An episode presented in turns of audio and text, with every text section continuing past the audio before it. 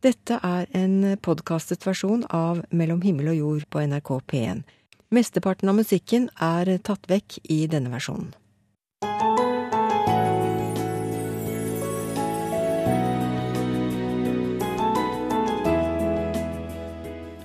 Først så det grøsser ned ryggen på meg. Det, den følelsen det, jeg var ikke likt noe annet. Det sier Tommy på 13 som så hjemmet sitt gå opp i røyk under brannen på Flatanger i slutten av januar. Du får vite mer om hvordan det føles å miste alt jordisk gods, og hva opplevelsen har gjort med familien. Jeg heter Miriam Wiklund og ønsker velkommen til en time mellom himmel og jord. Vi skal innom mye annet også. Samvittighet, f.eks. Hva er det med den følelsen som får enkelte leger til å reservere seg mot å henvise til abort? Vi møter en av dem og spør litt nærmere om hva han tenker og hvorfor. Hvis du snur deg litt nå, så ser jeg det at du har eh, en nese som eh, Du gjør en del som ikke har høy risiko, eller som ikke har for store konsekvenser, men du er gæren innenfor et visst område. Gæren? Ja. eller du tør å gjøre morsomme ting, da. Ja, men til et, visst punkt, til et visst ja. punkt. Jeg har vært til ansiktsanalyse og terapeuten tok nesa mi nærmere i øyesyn. Hva hun så, og hvordan hun leser et ansikt, ja, det får du innblikk i om noen minutter. Men nå skal det handle om noe ganske annet. Familien Hasvåg Fossvik opplevde marerittet da hjemmet deres gikk opp i røyk under storbrannen i Flatanger i slutten av januar. Vi har vært på besøk halvannen måned senere for å høre hvordan de takler å ha mistet alt de eier. Man blir kanskje litt uh, revet litt i biter. Uh, man må leite litt for å, å finne igjen seg sjøl og, og samle sammen noen tråder der man kan begynne på igjen. Birgit Fossvik og Åge Hasvåg baner vei mellom lekasteiner, svarte hauger med kull, glass og takstein. Gresset har mista sin farge, og trærne danser i ulike gråtoner. Alt er brent, og det lukter svidd. Fortsatt. Ingenting er igjen av heimen deres. Nå er det bare ei branntomt. Det er sånne ting som er to veldig tungt å miste.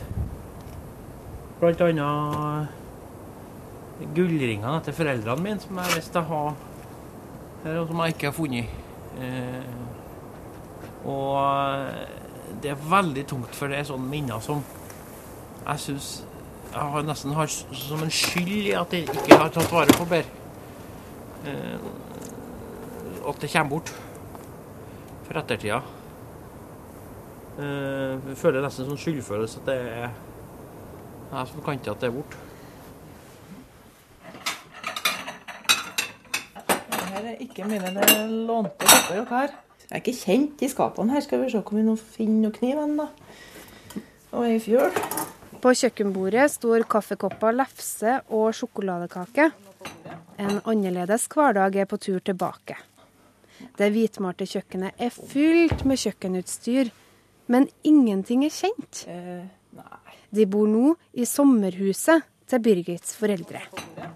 Et lånt hus, for de har ingenting. Flammene har tatt alt. Eh, jeg var ikke klar over at ting hadde sånn betydning for meg. Eh, jeg ville kanskje ikke innrømme det.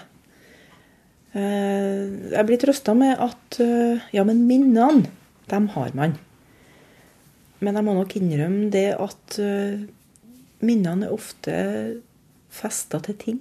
Altså, den skåla bruker jeg å ha potetgullet mitt i. Det bruker jeg å ta fram når det blir jul. og så kommer minnene, da. Så det, det henger litt fast i ting òg. Men det er klart, det er jo bare å kjøpe nytt. Man må jo tenke sånn at det er klart at nei da, vi kjøper nytt. Det ordner seg. Bare å begynne igjen. Seint på kvelden den 27. januar går brannalarmen i Flatanger.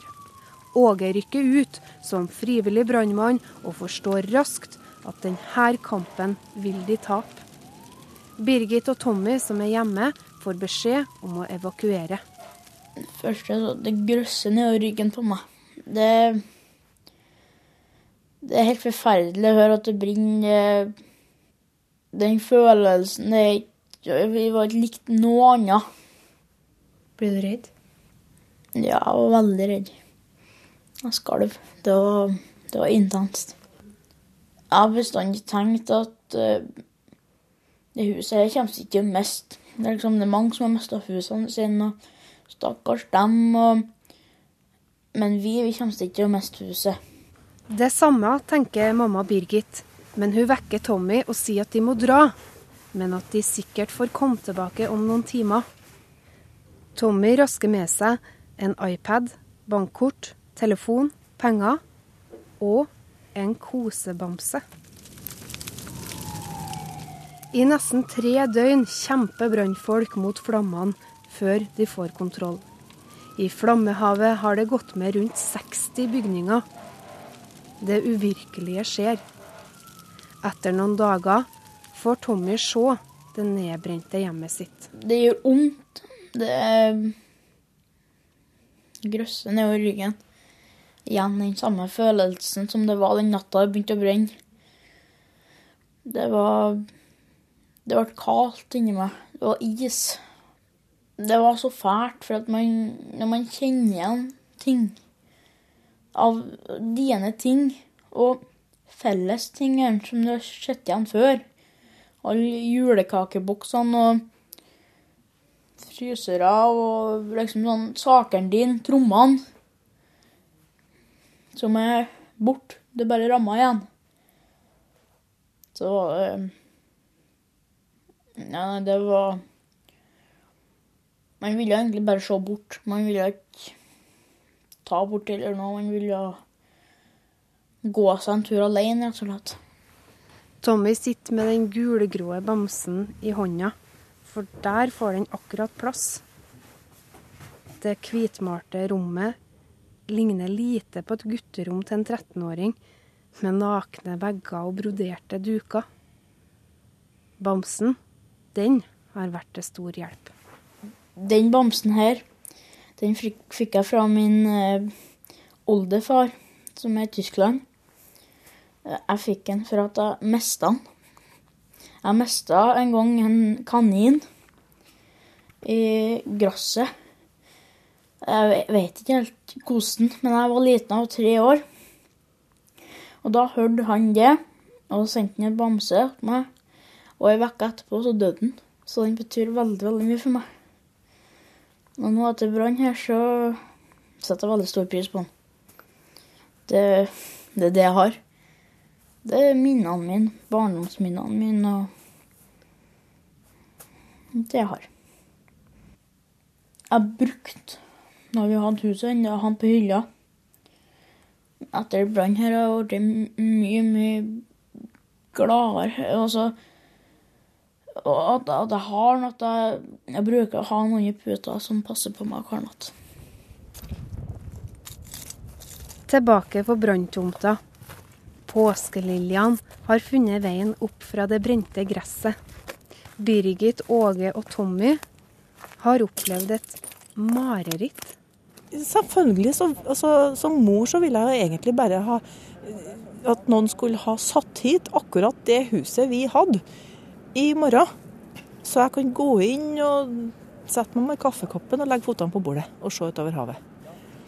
Men eh, det er ikke helt reelt, har jeg forstått. Og det var jo ikke det at jeg var så fornøyd med det huset vi hadde heller. Det var jo forskjellige punkter som jeg hadde gjerne sett var utbedra, men de er på en måte glemt. Altså det, det Nå kunne jeg Ja, det gamle dusjkabinettet som vi skulle egentlig ha skifta ut i fem år. Jeg skulle gjerne ha hatt det igjen, egentlig. Bare jeg har fått det i dag. Og nå skal de bygge opp med store vinduer og lyse farger. Og tankesettet har endra seg litt. Akkurat nå så kjenner jeg at jeg setter pris på en del ting på en annen måte. Um, den tida jeg har lamme ungdommene mine, de, den er blitt litt mer verdifull. Nå, nå så tenker jeg at nei, bare det å sitte ved et kjøkkenbord og så og ta en kopp te og prate litt, det kan være OK, altså. Faktisk. Bruk litt tid sammen. Det, det hjelper. Og jeg har jo lært at um, eh, Det som jeg trodde ikke skulle skje med oss, det har faktisk skjedd. Eh, man tror jo det at man Det skjer jo ikke oss, det er bare noe som står i avisene og på, på TV-en. Men uh, her Denne episoden ble vi med på. Det sa Åge Hasvåg, og reporter i Flatanger var Kaja Kristin Næss. Mellom himmel og jord i NRK P1. Når jeg har en gravid pasient på mitt kontor, så har jeg to pasienter. Eh, og jeg eh, har et ansvar også for den eh, lille i magen som, som doktor. Og det ansvaret må jeg ta. Han er en av ca. 200 fastleger som i dag ikke henviser kvinner til abort av samvittighetsgrunner. Snart får du vite hva det er med hans samvittighet som gjør at han velger slik. Himmel og jord, krøllalfa, nrk.no. Går det an å vite noe om et menneske du møter, bare ved å se på vedkommende? Ansiktsfasongen og rynkene dine, for eksempel. Kan de si noe om hvem du er? Det er akkurat det jeg skal finne ut av nå. For jeg er på vei til Grete Holtan ved Intuisjonsskolen i Oslo med adresse Arbiens gate 7. Jeg kjenner jeg er litt spent. For et av kurstilbudene til Grete heter Ditt sanne ansikt. Jeg har hørt at hun kan kunsten å se an folk og danne seg et bilde av karaktertrekk og egenskaper bare ved å kaste et blikk på deg. Og det føles litt beklemmende at hun kanskje kommer til å kle av meg på en måte. Hei. Hei, Velkommen i griseværet. Jeg kunne ha spart meg engstelsen. Grete møter meg med et varmt og avvæpnende blikk. Men jeg vil allikevel vite med det samme om det er slik at hun allerede har dannet seg et inntrykk av hvem jeg er. Kanskje litt. Eh, man må jo sette seg ned og se ordentlig på, på trekk osv., men man bruker litt tid. Fordi at eh, uttrykk og mikrokroppsspråkstegn må gå over tid. Ett tegn er ikke nok. Og igjen, det kun indikerer noe. Så du må på en måte sjekke ut mer eller spørre mer om temaet. Det er ikke sånn at du har røntgenblikk og liksom uh, nytter ikke hva jeg prøver å late som, så du ser tvers igjennom meg? Kanskje litt av og til, hvis man uh, bruker litt tid på det, som sagt. Man kan ikke se alt, men man ser en del eh, tendenser eller egenskaper. Hvis du snur deg litt nå, så ser jeg det at du har en nese som viser at du er modig. Du tør å si hva du mener. Jeg ser at du er strategisk. Hvorfor ser du det? Hva er det med nesa mi som sier at Den er litt krum. Og så ser jeg det at det benet her oppe på neseryggen, den er litt, bitte, bitte litt markert. Og det er folk som er i stand til å påvirke mange. Så sånn sett er du i riktig jobb. Mm -hmm. Du klarer å påvirke andre mennesker gjennom kommunikasjon og alt det der, og det gjør du jo i dag. Um, og så ser jeg det at det er litt avstand her fra nesevingene ut i nesetuppen. Og det viser en modig person. Uh, og når nesen henger litt her foran i nesetuppen, så er du en strategisk person. Hva betyr det? At Du tenker lang sikt tenker jeg lang sikt. Ja. ja. Og det har jo med at du er såkalt Ansiktet ditt er mentalt intuitivt. Dvs. Si at uh, hvis du tenker ansiktet ditt på langs, så er du lengst oppe i pannen og fra nesen og ned. Du er lengst, aller, aller lengst i pannen. Og da betyr det at Det at du er strategisk. Du tenker langsikt, du analyserer osv. Du er ikke veldig god på strategi, da. Jeg tror du er det. Men du har en høy energi. Du har ildenergien også, så du har det her med å leve i nuet og nyte livet, men til en viss grad. Du gjør en del som ikke har høy risiko, eller som ikke har for store konsekvenser, men du er gæren innenfor et visst område. Gæren? Ja. eller du tør å gjøre morsomme ting, da. Ja, men til et, visst punkt, til et visst ja. punkt ja. Til et visst punkt så stopper du. Mm. Og det har i forhold til dine nærmeste Det her går mye på hjertet ditt At de som du er glad i, eller det du er glad i, passer du på. Ja, Men gjør vi ikke alle det, da? Mm, ikke nødvendigvis. Mange er flinke til å bygge nettverk, eh, få nye nettverk, nye venner. Tenke stort, ikke så nært. Um, er ekstroverte, trenger masse nye mennesker for å få energi. Um, mens andre verner mye mer om de nærmeste. Modig og strategisk? Det stemmer ikke helt med selvbildet mitt, da. Jeg fikk alltid høre at jeg var engstelig som barn, og turte ikke engang å ta skikkelig sats foran bukken i gymtimene. Men jeg har kanskje lettere for å si hva jeg mener. Det kan hun ha rett i. Men strategisk? Jeg er god til å bekymre meg om alt som kan gå galt, og planlegger ofte ut ifra det, men er det å være strategisk? Det går flere tanker gjennom hodet enn hva jeg rekker å spørre. Men hvor har hun alt dette fra? På telefonen har hun allerede nevnt noe om mikrokroppsspråk. Spenninger av muskler, linjer i ansiktet og uttrykk som forteller noe om hva personen tenker eller føler. Men det må jo være noe mer? Som jeg sa, det er mikrokroppsspråk så er det kinesisk ansiktsanalyse som går på eh, trekk. Eh, og det er basert på statistikk fra Kina, så ikke noe vitenskap. Men det er basert på innhentede opplysninger som de har satt i system. Men du, statistikk fra Kina, sier du. Mm. Men altså, de ser jo litt annerledes ut, kineserne, enn oss, da. Mm. Har det noe å si? Eh, egentlig ikke.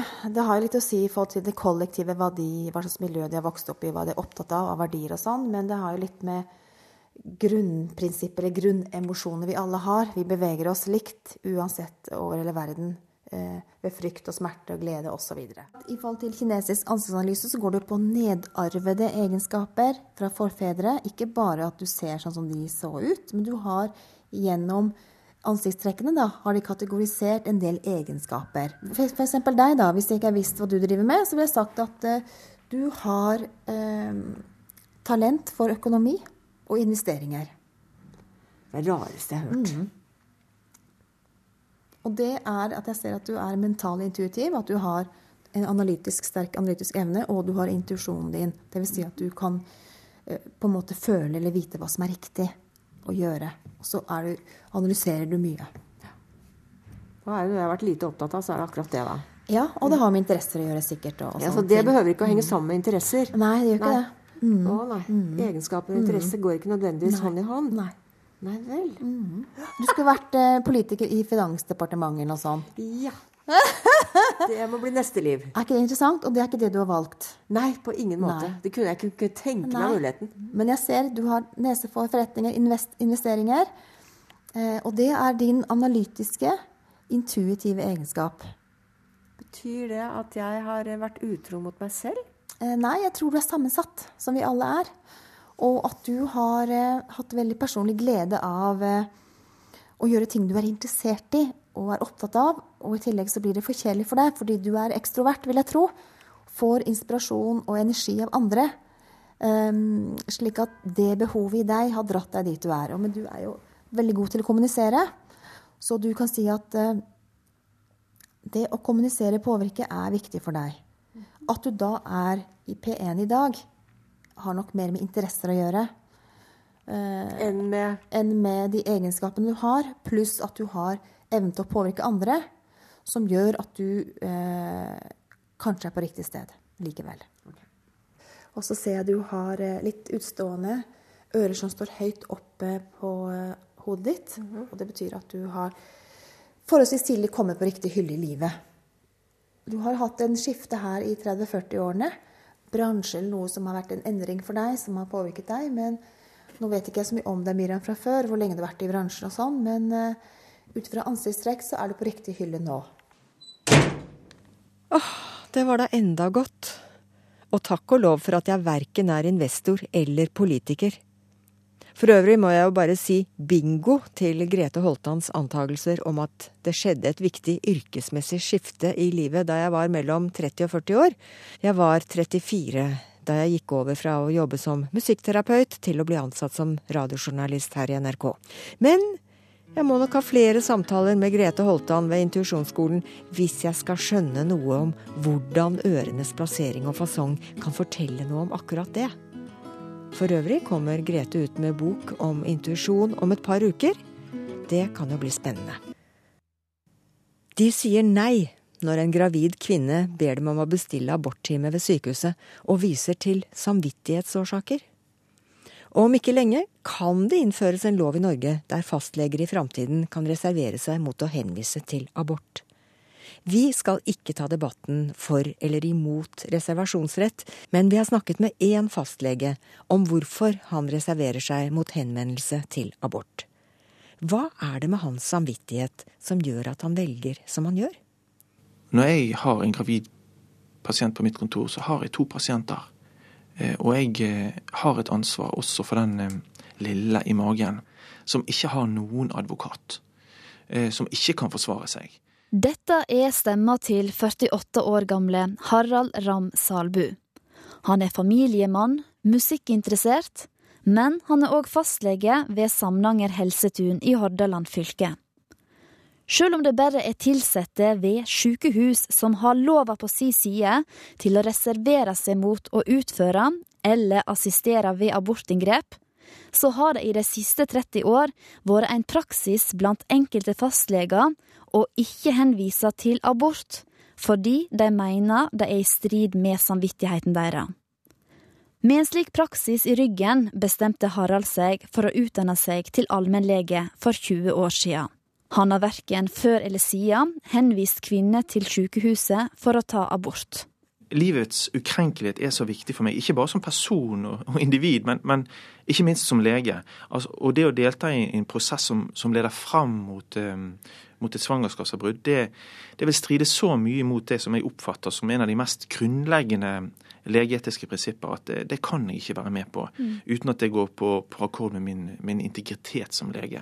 På Helsetunet der Harald jobber, blir de kvinnelige pasientene som ønsker å avslutte svangerskapet, henvist til en annen lege når de ringer for å bestille time. Hvis de møter opp uten å ha fortalt på forhånd hva legebesøket skyldes, finner Harald en annen lege på senteret som kan hjelpe kvinner videre i prosessen. Fastlegen forklarer at samvittigheten hans setter en stopper for å henvise pasienten til sykehuset. Og, og, det er klart det at hvis jeg gjør noe som jeg vet for meg blir galt, så, så, så klikker samvittigheten min inn og sier at dette, Harald, dette, her, her, trakker du over en grense som du ikke kan eller burde eh, trakke over. Og da, da er samvittigheten min, min, min varsellampe, mm. som da blinker rødt. Eh, samvittighet er jo ofte subjektivt. For deg så kan det å henvise til abort føles galt. Eh, for kvinner som er i en vanskelig situasjon, så, så kan abort føles riktig. Hvorfor skal din samvittighet komme over det som kvinner føler? Um, altså Min samvittighet kommer ikke over det kvinnen føler. Eh, fordi at kvinnen har sin samvittighet, og den er like mye eh, Den er like viktig som min samvittighet. Det som jeg sier, det er at vi kan klare å ta vare på både kvinnen og hennes eh, moralske ståsted og hennes samvittighet, og legen sin samtidig. Det kan jo føles som om din eh, samvittighet kommer framfor kvinna samvittighet når hun kommer på kontoret og får beskjed av deg at du kan ikke henvise henne til abort, ja. noe som mm. står i loven at hun har rett på. Ja, det, jeg kan forstå at hun kan oppleve det sånn. Selv om jeg så, så godt som jeg overhodet kan prøver å formidle at det ikke er slik jeg tenker, eh, men at jeg bare må ta konsekvensen av, av min dype overbevisning. Eh, men, men, men, men, uansett hvor god jobb vi gjør som reserverende fastleger, så kan ikke vi unngå at, at pasienten kan føle en grad av fordømmelse. Men men, men, da må jeg samtidig si det at, at det er ikke slik at, at den abortsøkende kvinnen er i en særstilling der. Det finnes mange andre pasientgrupper eh, i, i, min eh, hverdag som, som um, vil ha møtepunkter med meg som de vil oppleve utfordrende. Også der, de, der er det et potensial for at de kan kjenne på fordømmelse, selv om jeg overhodet ikke ønsker at de skal kjenne på det. Det gjelder langtidssyke pasienter som man må dytte litt forsiktig tilbake i jobb. Mm. Det gjelder ikke minst den psykiatriske pasienten som kanskje må tvangsinnlegges. Der pasienten kan føle seg eh, kan oppleve fordømmelse. Men samtidig så har vi en norsk lov som skal sikre eh, alle borgerne i et land samme rettigheter. Ja, ja. Er ikke det viktig at du følger den lova? Jo. Eh, nå, nå, nå, er det slik at eh, i, denne, i, denne, debatten her så, så, er det, så, er det, slik at man, eh, det er røster som, som, som krever at kvinnene må få sin rettighet. Og det er jeg helt enig i. Det skal de ha. De, de, skal ha rettighet til å få utført sin provosert abort. For det har de rett til ifølge norsk lov. Og det får de. Eh, det er bare det at de eh, vi må sette dette inn i et system og i rammer som er eh, litt mer formalisert enn det det har vært før. De, hen, de blir henvist til sykehus, eh, selv om ikke det nødvendigvis er eh, fra fastlegen. Og de kan ta direkte kontakt med sykehuset. Det har de en lovfestet rett til. Slik at de får sin rettighet eh, gjennomført, eh, om enn ikke akkurat slik de hadde tenkt i utgangspunktet. Mm, ikke gjennom deg? Nei, ikke gjennom meg. Hvor kommer samvittigheten din ifra? Har du tenkt noe på det? Uh, hvor han kommer fra? Ja, uh, ja altså den, Samvittigheten er jo nedlagt i alle, alle mennesker. Uh, og er jo et resultat av medfødte, medfødte evner og, og arv. Og, og, oppvekst og miljøpåvirkning, selvfølgelig.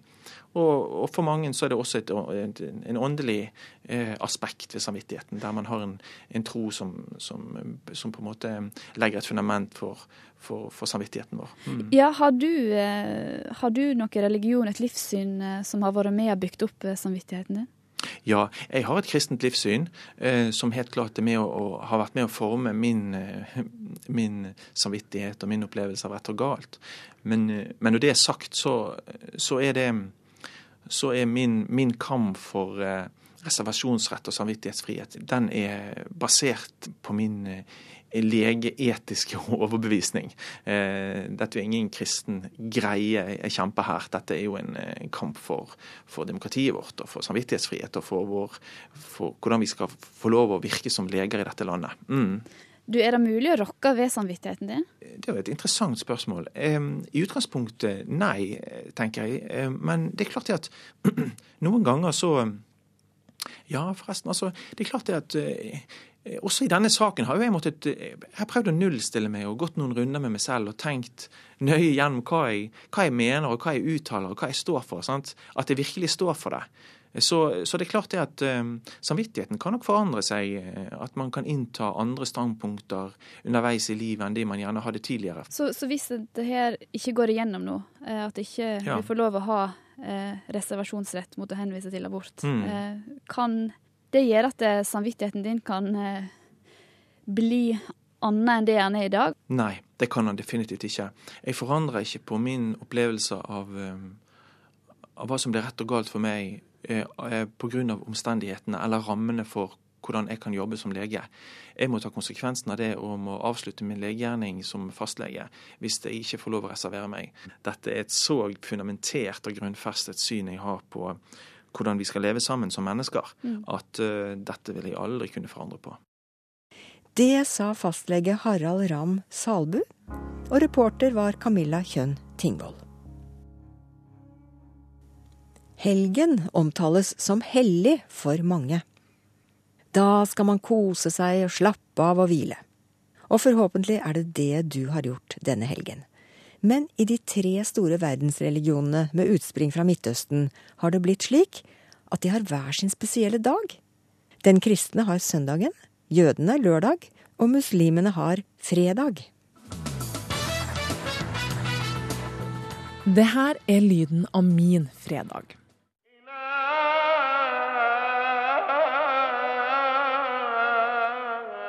Mens det her er lyden av mange andre sin fredag om vi hadde sovet lenge på fredagen, så våknet vi til at det ble kalt til bønn fra absolutt alle moskeer. Nora Stene er religionshistoriker ved Universitetet i Oslo, og hun har sjøl bodd i Egypt. Hun forsto raskt at fredag var en spesiell dag for muslimene, men det er verken en helligdag eller hviledag, som jeg først trodde det var. Fredagen for muslimer kalles samlingsdagen, Yom al-jumah. Det er en dag som er annerledes enn de andre dagene ved at den har bestemte bud knyttet til seg. Dere som tror når det kalles til samlingsdagens bønn, så skynd dere hen til Guds ihukommelse og la handel ligge. Dette er et gode for dere, om dere bare visste. Profeten Mohammed understreket at det skulle være fredagen. Han var nok kjent med at kristne og jøder hadde andre dager, og han understreket at det rette for muslimer er å samles på fredagen, Ikke for å ha en hviledag av den samme typen, men for å møtes i moskeen. Det er historier som man sier at profeten fortalte, at Adam ble skapt på den dagen, og også at jordens ende skal komme på en fredag. Men dette står ikke i Koranen, dette er historier som profeten skal ha fortalt. Det er fredag ekstra bunn. Masse ting ekstra på fredag. Det er fredag, det er spesiell dag. Det er fredag, og jeg står utafor moskeen i Trondheim rett før fredagsbønnen starter. Både unge og gamle muslimer kan fortelle meg at fredag er en spesiell dag, fordi den har noe ekstra ved seg. Ja, det er noen tradisjoner og ritualer som knytter seg til den dagen.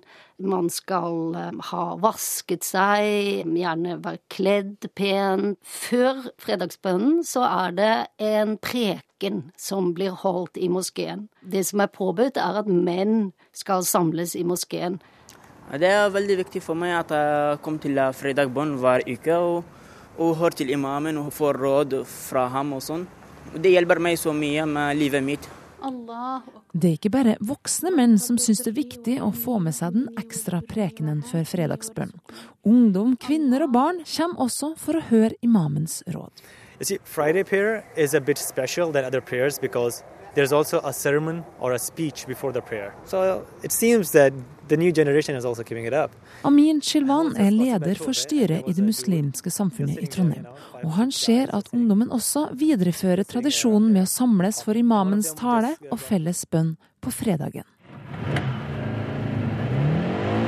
Mange nordmenn slutter litt tidlig på jobb på fredagen for å kunne komme seg på hytta fortest mulig. Amin derimot må slutte litt tidligere på jobb for å komme seg på fredagsbønn. Den kan begynne alt mellom klokka ett og halv fire på formiddagen. Tidspunktet følger nemlig solas gang over himmelen gjennom året. Usually what I do is that I take some hours extra on weekends Det han gjør er å jobbe noen ekstra timer på lørdag og søndag, siden han vil ha fri til fredagsbønn. Men som han sier, det er ingen tvang. Hvis man har en jobb der det ikke er mulig, så er det helt greit å være borte fra fredagsbønn. Det er bare de som har mulighet til å gå til moskeen, som må gjøre det. Det er ikke et påbud som skal gå over alle andre ting man må forholde seg til. Nei, fredag for det er sånn en spesiell dag at alle har sånn fri som på en måte som, som søndag eller lørdag. Ja, hvordan blir nå egentlig det? Har de helga på andre dager i muslimske land? Er fredag en fridag? Det varierer veldig fra land til land. Noen steder så er det fri på fredag formiddag, og så tar man opp igjen handelsvirksomhet og alt mulig. I noen steder så er helgen helt knyttet til global handelskultur, altså at man har fri lørdag og søndag. Og noen steder så knytter man det til torsdag, så blir torsdag-fredag. Det er sånn etter fredagen vi har i hjemmeland, det er fridag. Så som akkurat uh, helgen, gå til middagen med familie og sitter sammen og samler sammen og snakker sammen og sånn. Å være sammen med familien og spise god mat er de vanligste fredagstradisjonene blant de muslimene jeg snakker med. Hmm, det høres da veldig kjent ut, i alle fall hjemme hos meg. Fredagskveld er god mat og godt selskap. Friday for Muslims is not a holiday, it's a holiday. For etter fredagsbønn er det ingen påbud eller regler om hva muslimene skal gjøre. De står helt fri til å bruke den som de vil. Ja, du kan gjøre hva som helst etter fredag. Etter den du kan gjøre hva som helst. Kristin Norvoll Mork var reporter i denne saken om muslimenes helg. Og det går mot slutten på dagens Mellom himmel og jord. Husk at vi gjerne hører fra deg. Da kan du sende oss en e-post til Himmel og jord, krøllalfa, nrk.no. Eller bruk posten. Mellom himmel og jord, NRK 7005 Trondheim. Du når oss også på Facebook, og kan høre programmet om igjen når du vil via vår nettspiller radio.nrk.no. Jeg heter Miriam Wiklund og ønsker deg en riktig god søndag. Ja, og så glemte jeg å si at P1 Pluss sender programmet i reprise i kveld klokka 21. For alle dere som har en DAB-radio. På gjenhør. Mellom himmel og jord. Søndager klokka ti.